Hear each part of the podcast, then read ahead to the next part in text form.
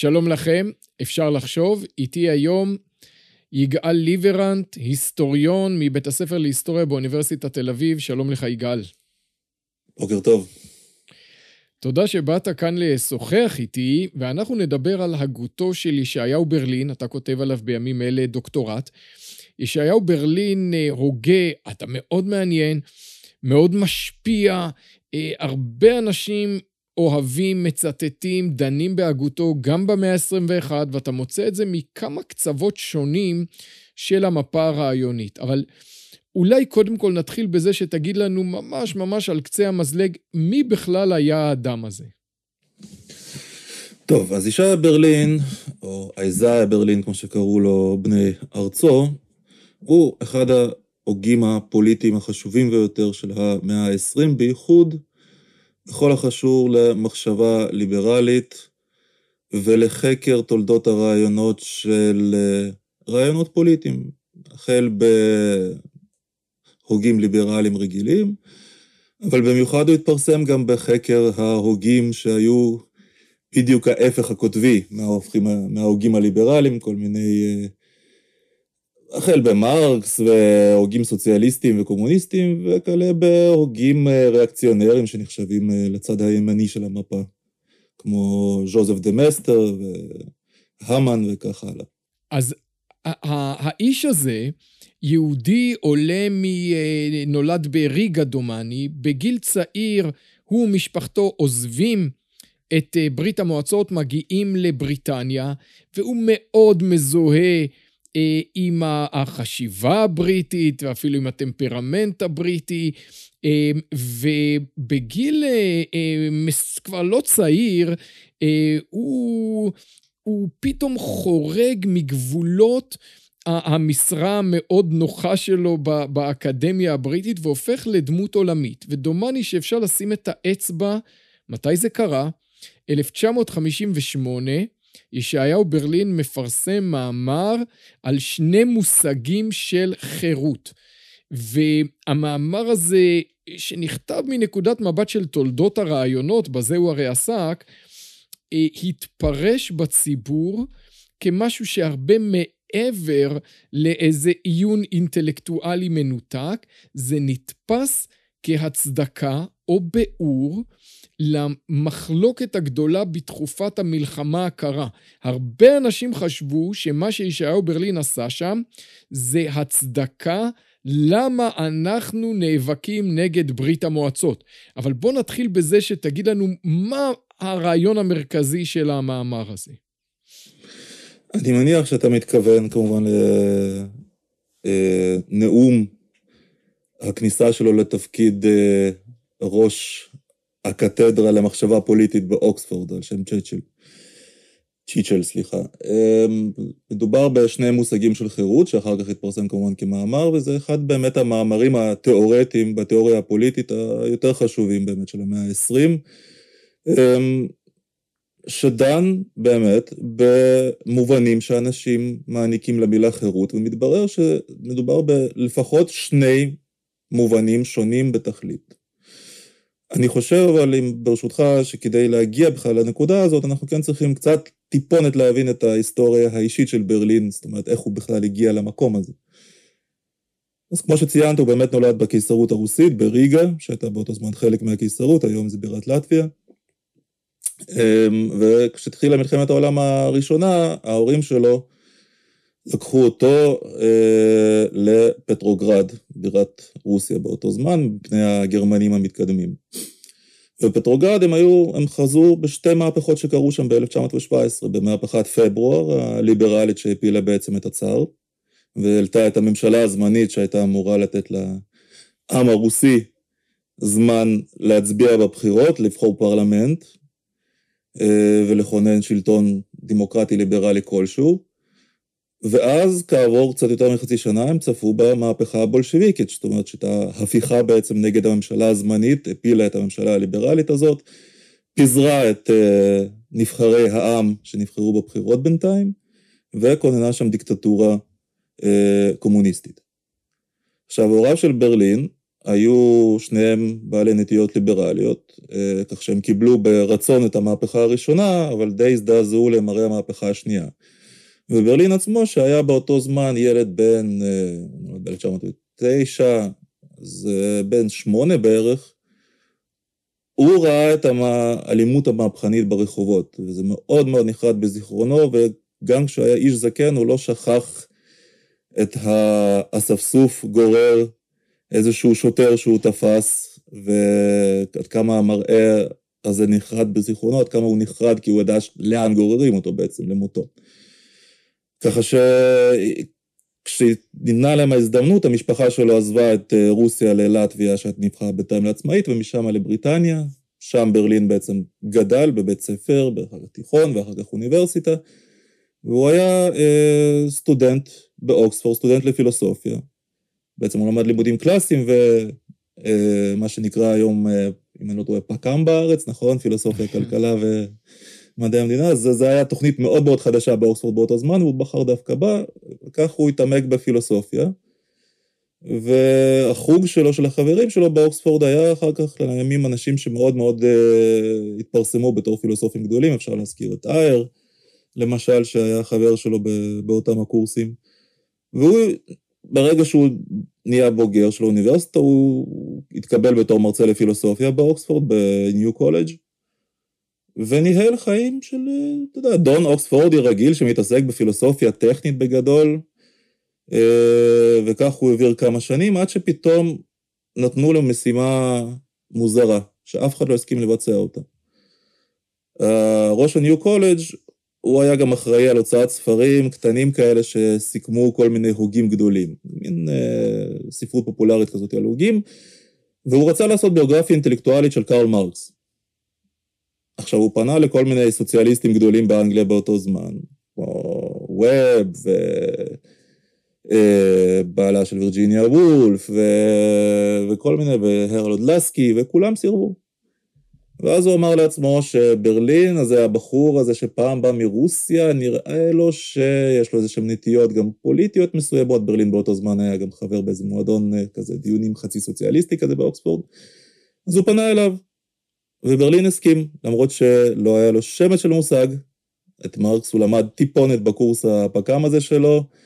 לא נורא התעניינו באותו זמן בבריטניה במרקסיזם, למרות שסוציאליזם כן גדל שם. אבל הוא אמר לעצמו שמרקסיזם הולך להיות תופעה שתלך ותכבוש את העולם יותר ויותר, לדעתו. היו לו את הזיכרונות שלו מרוסיה מהמהפכות, ולכן הוא קיבל עליו את האתגר הזה. והאתגר הזה היה לו מאוד קשה. מרקס הוא, כידוע, לא נורא קריא. אה, אבל הוא עמל ועמל ועמל, ובסוף הצליח. הוא כתב את הביוגרפיה האינטלקטואלית של מרקס הראשונה בשפה האנגלית, שיצאה ב-38, אם אני לא טועה, 39, ואז התחילה מלחמת העולם השנייה. במלחמת העולם השנייה, הוא, בגלל שהוא לא יכלו לגייס אותו לצבא, היו לו בעיות אה, פיזיות, היה לו בעיה עם ידו וכל מיני בעיות בריאותיות כאלה ואחרות, אבל הוא נורא רצה לתרום, ככה שהוא התנדב בדרך לא דרך לשרת בשגרירות הבריטית בוושינגטון. הוא היה אחראי שם על ההסברה ועל איסוף הידיעות אה, על מצב הרוח האמריקאי. זאת אומרת, בפוליטיקה האמריקאית, בדעת הקהל האמריקאית וכך הלאה וכך הלאה, והסיכומים האלה שהוא כתב לממשלה בריטית מהשגרירות בוושינגטון, הביאו לו מידה של פרסום מסוימת, כולל אה, צ'רצ'יל קרא את הדברים האלה, כל הממשלה שלו קרא את הדברים האלה, והתברר שברלין יודע לסכם רעיונות בצורה מאוד מאוד מתומצתת, בצורה מאוד מאוד נהירה וברורה.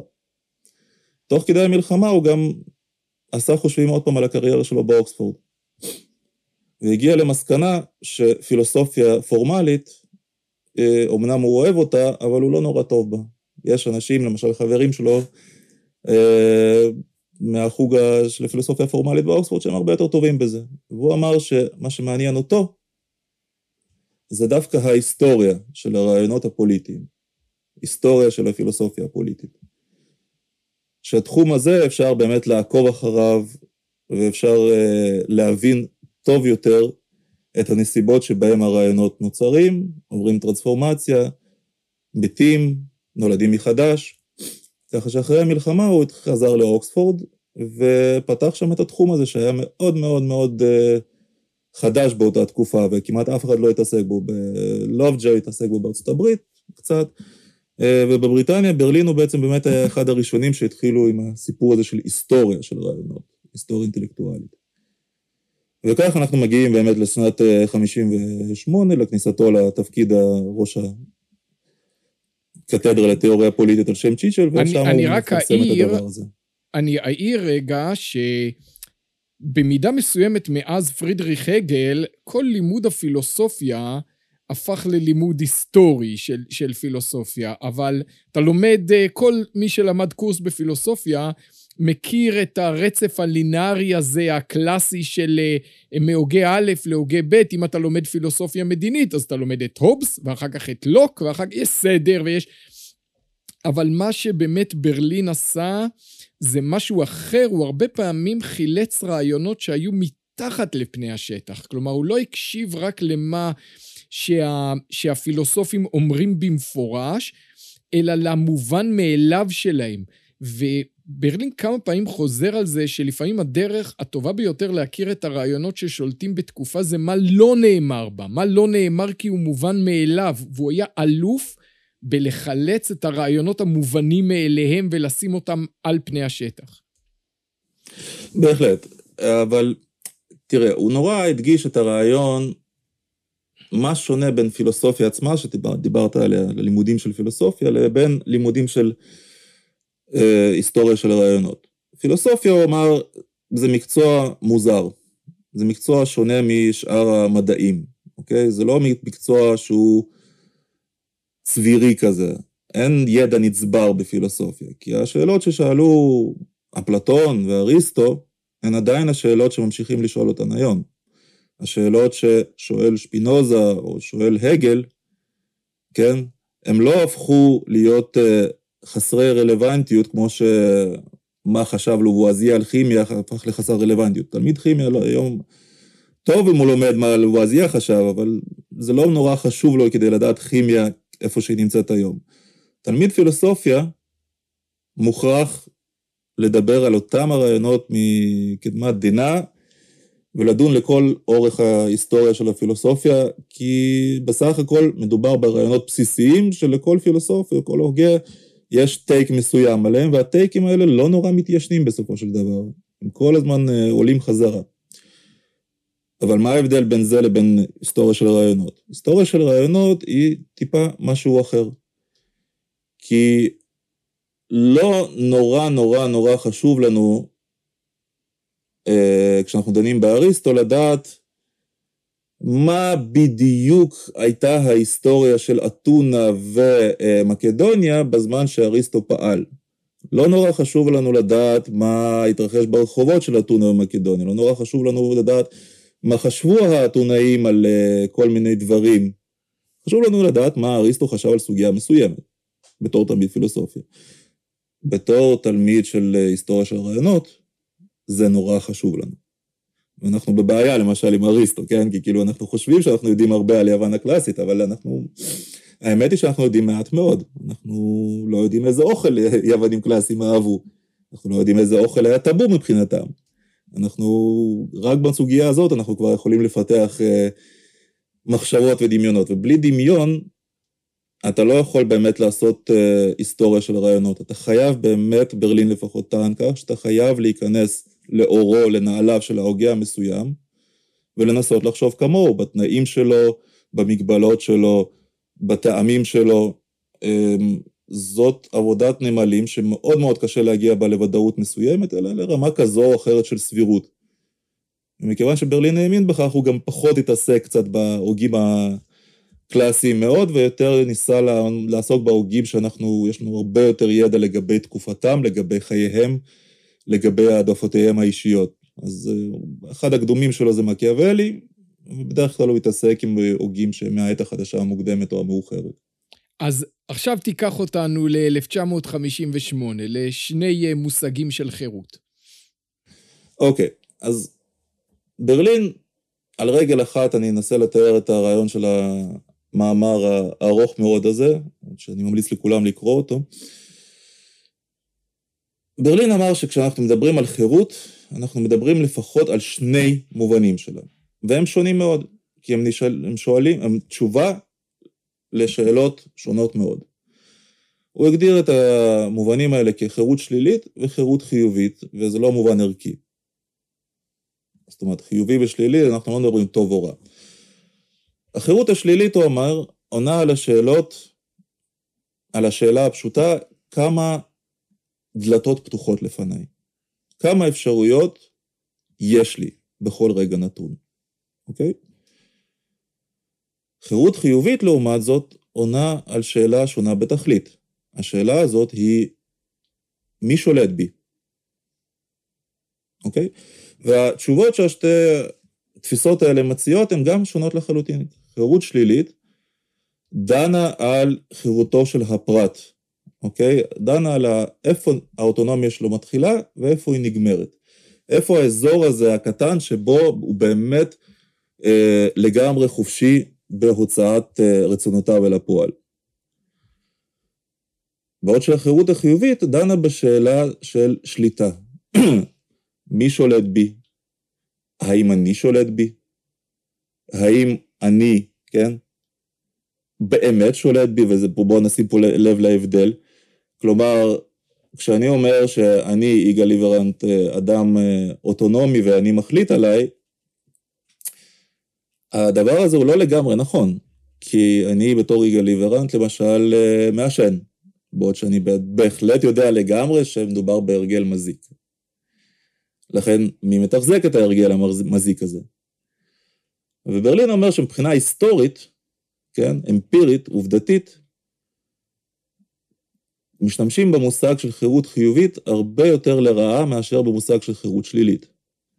כי בחירות השלילית זה, באמת בסך הכל מדובר כמה אופציות פתוחות לפניי וקשה מאוד אה, לעוות אותו. למרות שגם אפשר ואנחנו נדבר על זה אחר כך.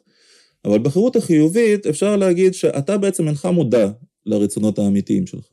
אתה לא באמת מבין את האינטרסים האותנטיים אה, שלך בשל שלל סיבות. למשל בגלל שיש לך שתי נשמות, כמו שאמר אוריגנוס, אחד מאורות הכנסייה, שיש אחת טובה ומושכלת ורציונלית ואחת רעה וחייתית. או בגלל שיש לך תודעה כוזבת, כמו שאמר מרקס, שתלויה לגמרי במעמד שלך ומה שמספרים לך המעמדות העליונים. ובנקודה הזאת, באמת המאמר של ברלין, למרות שהוא מביע עמדה מורכבת עם הרבה הסתייגויות פנימיות, בציבור הוא נתפס כעונה תשובה לשאלה גדולה מאוד. קודם כל, במישור האינטלקטואלי רעיונות דומים, אולי בוסרים יותר, כתב בנג'מין קונסטן במאה ה-19. אה, קרוב יותר לתקופה של ברלין, אז אתה מוצא רעיונות דומים כמה שנים לפני כן אצל ההיסטוריון הישראלי הבריטי יעקב טלמון, שכתב ספר ראשיתה של הדמוקרטיה הטוטליטרית, ובספר הזה הוא מעלה שאלה שאני אנסח אותה שוב באופן הרבה יותר פשטני ממה שהוא אמר אותה, אבל באופן מאוד פשטני הוא שואל איך יכול להיות שיש דיקטטורות שמאלניות. כלומר, הוא בעצם אומר, אני מבין איך נאצים, אה, כביכול מתו, או פשיסטים שהם ימין קיצוני, נהיים דיקטטורה, אבל איך זה קורה לשמאל הומניסטי כמו בברית המועצות? והתשובה שלו היא גם די בכיוון של ברלין. אה, ברלין הצליח להגיד את זה באופן יותר בהיר, יותר חד, יותר נהיר. בעצם מה שברלין אומר, כך זה לפחות התפרש בציבור, אנחנו בעולם המערבי מציגים אידיאל של חירות שלילית. חירות שלילית זה האידיאל הליברלי הגדול שאומר שהממשלה לא תתערב לי בחיים ולא תגיד לי מה לעשות. לעומת זאת, בברית המועצות, הקומוניסטים גם הם מציגים אידיאל של חירות, אבל של חירות חיובית. חירות חיובית, כמו שאתה אומר, לא במישור המוסרי, במישור שהשלטונות אומרים, אני יודע יותר טוב ממך מה המהות שלך, אני יודע יותר טוב ממך מה אתה רוצה, וכדי שיהיה לך טוב, אני אכתיב כל פרט בחיים שלך, ואשבץ אותך במכונה ענקית שכביכול תעשה טוב לעולם. ולמה ברלין אומר שזה לא יעבוד? הייתה לו תיאוריה, למה זה אף פעם לא יעבוד? תראה, אני אגיד לך ככה, ברלין היה מספיק חכם כדי להבין שזה לא עניין של מערב מול מזרח, זה לא עניין של אה, מערב הליברלי מול המזרח הקומוניסטי. הוא חשב שהשאלות האלה נשאלות ונענות כל הזמן, בכל מקום. ככה שאנחנו במאה ה-21, כשאנחנו מסתכלים היום על הברית, אנחנו לא יכולים להגיד שארצות הברית כיום נשלטת באופן אה, שקרוב יותר לחירות השלילית. כשמדברים איתך בבתי ספר על אה, תיאוריה גזעית ביקורתית, כן?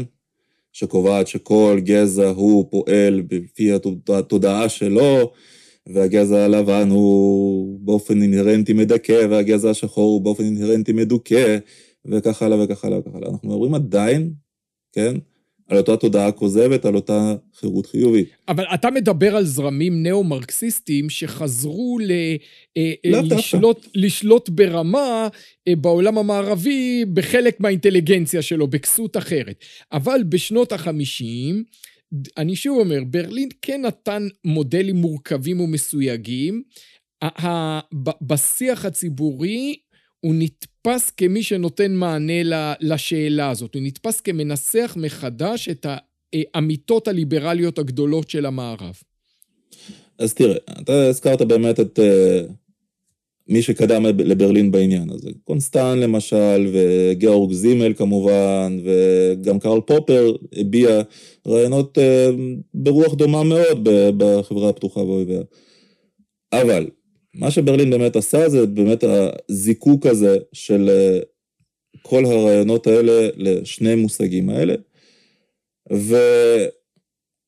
וחשוב פה להגיד, אבל שבאמת ההצגה הזאת של ברלין בתור אה, תומך החירות השלילית לעומת החיובית, היא באמת, היא, היא קצת פשטנית וקצת מעוותת. הוא נאבק בעניין הזה כל החיים שלו, הוא אמר באמת לא, לא, לא, נוטים לא להבין אותי נכון, אני לא בעד דבר אחד כנגד משנהו, כל מה שאני אומר זה שאת החירות החיובית נוטים עובדתית לעוות יותר. בהחלט יש בעיות גם בחירות השלילית, כן? זאת אומרת, אם אנחנו נותנים את אותה החירות השלילית, ל, כמו שהוא היה אומר, לכבשים ולזאבים, כן? הכבשים, הזאבים יאכלו אותן. כלומר, אם אנחנו נותנים אותה רמת חירות, נגיד, ל...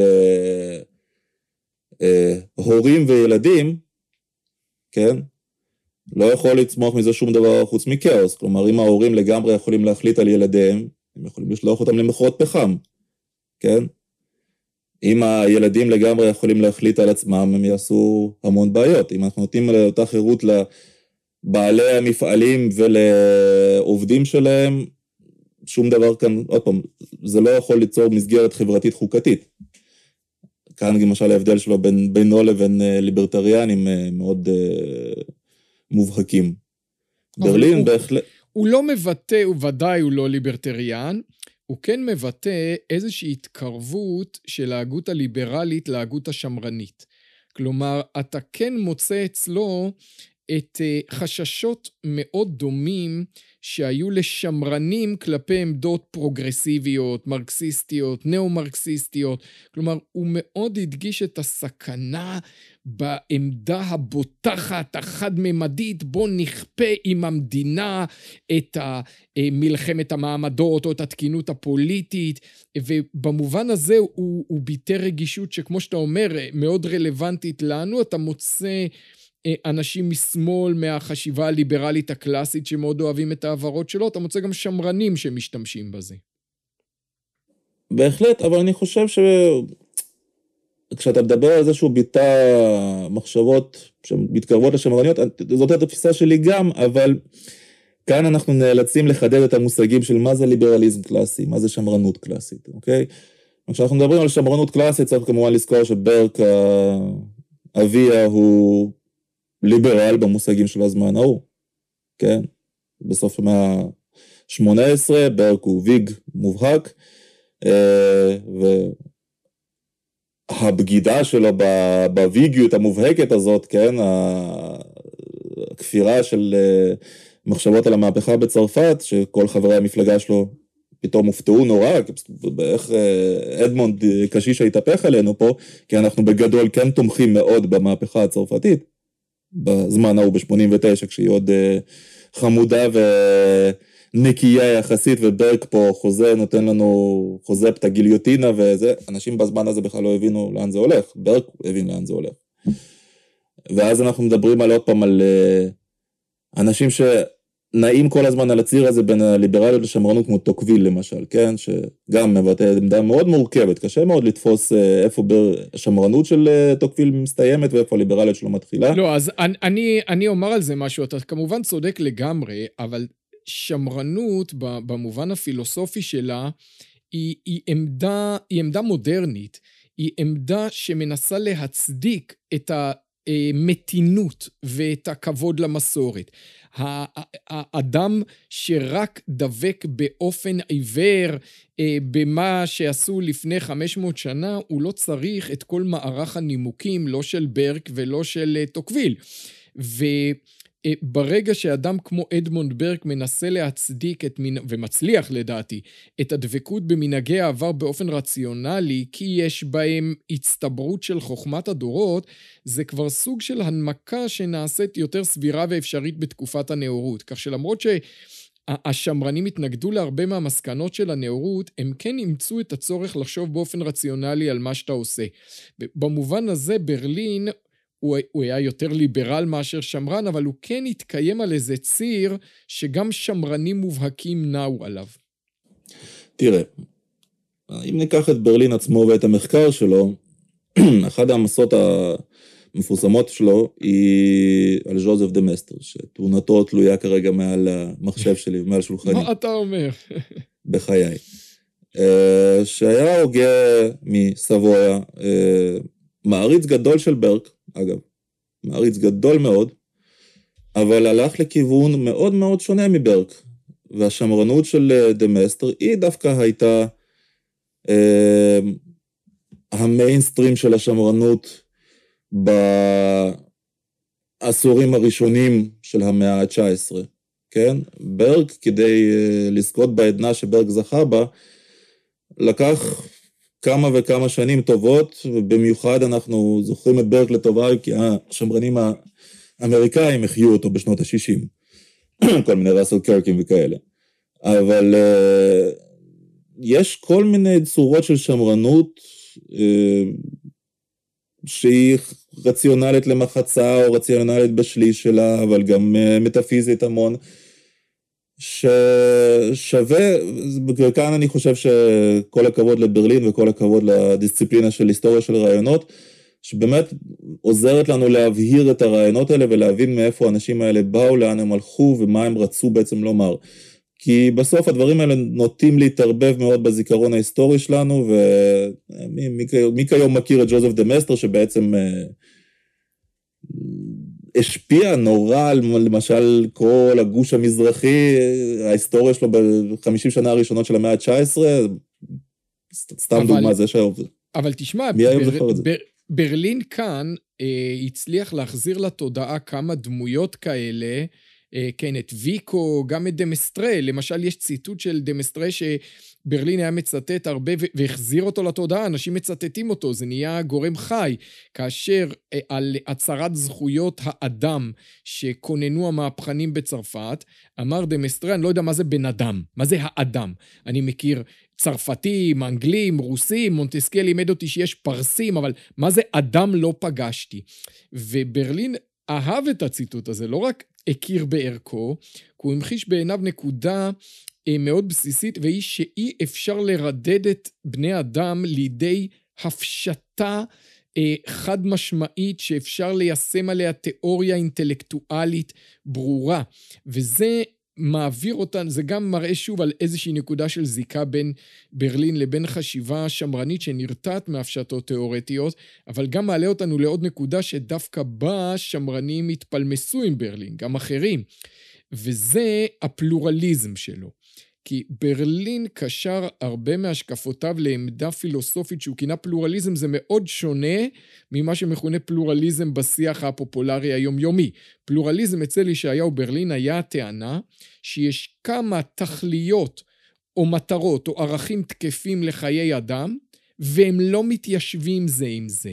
כלומר, גם חירות היא ערך אמיתי, גם שוויון הוא ערך אמיתי, והם באים אחד על חשבון השני, ולכן אי אפשר להכריע מהי דרך החיים האופטימלית, כי כל דרך חיים יש ויתור על ערך אחד ובחירה בערך אחר, וזה הוצג אה, לפעמים במרומז ולפעמים במפורש כמניע לדמוקרטיה, לחיים של דמוקרטיה ליברלית, כי אם אי אפשר לבחור סט ערכים מדויק ומושלם, אם תמיד יש trade-off בין ערכים שכולם אמת, אז אתה ודאי לא יכול לכפות על בן אדם אחר את דרך החיים שלך.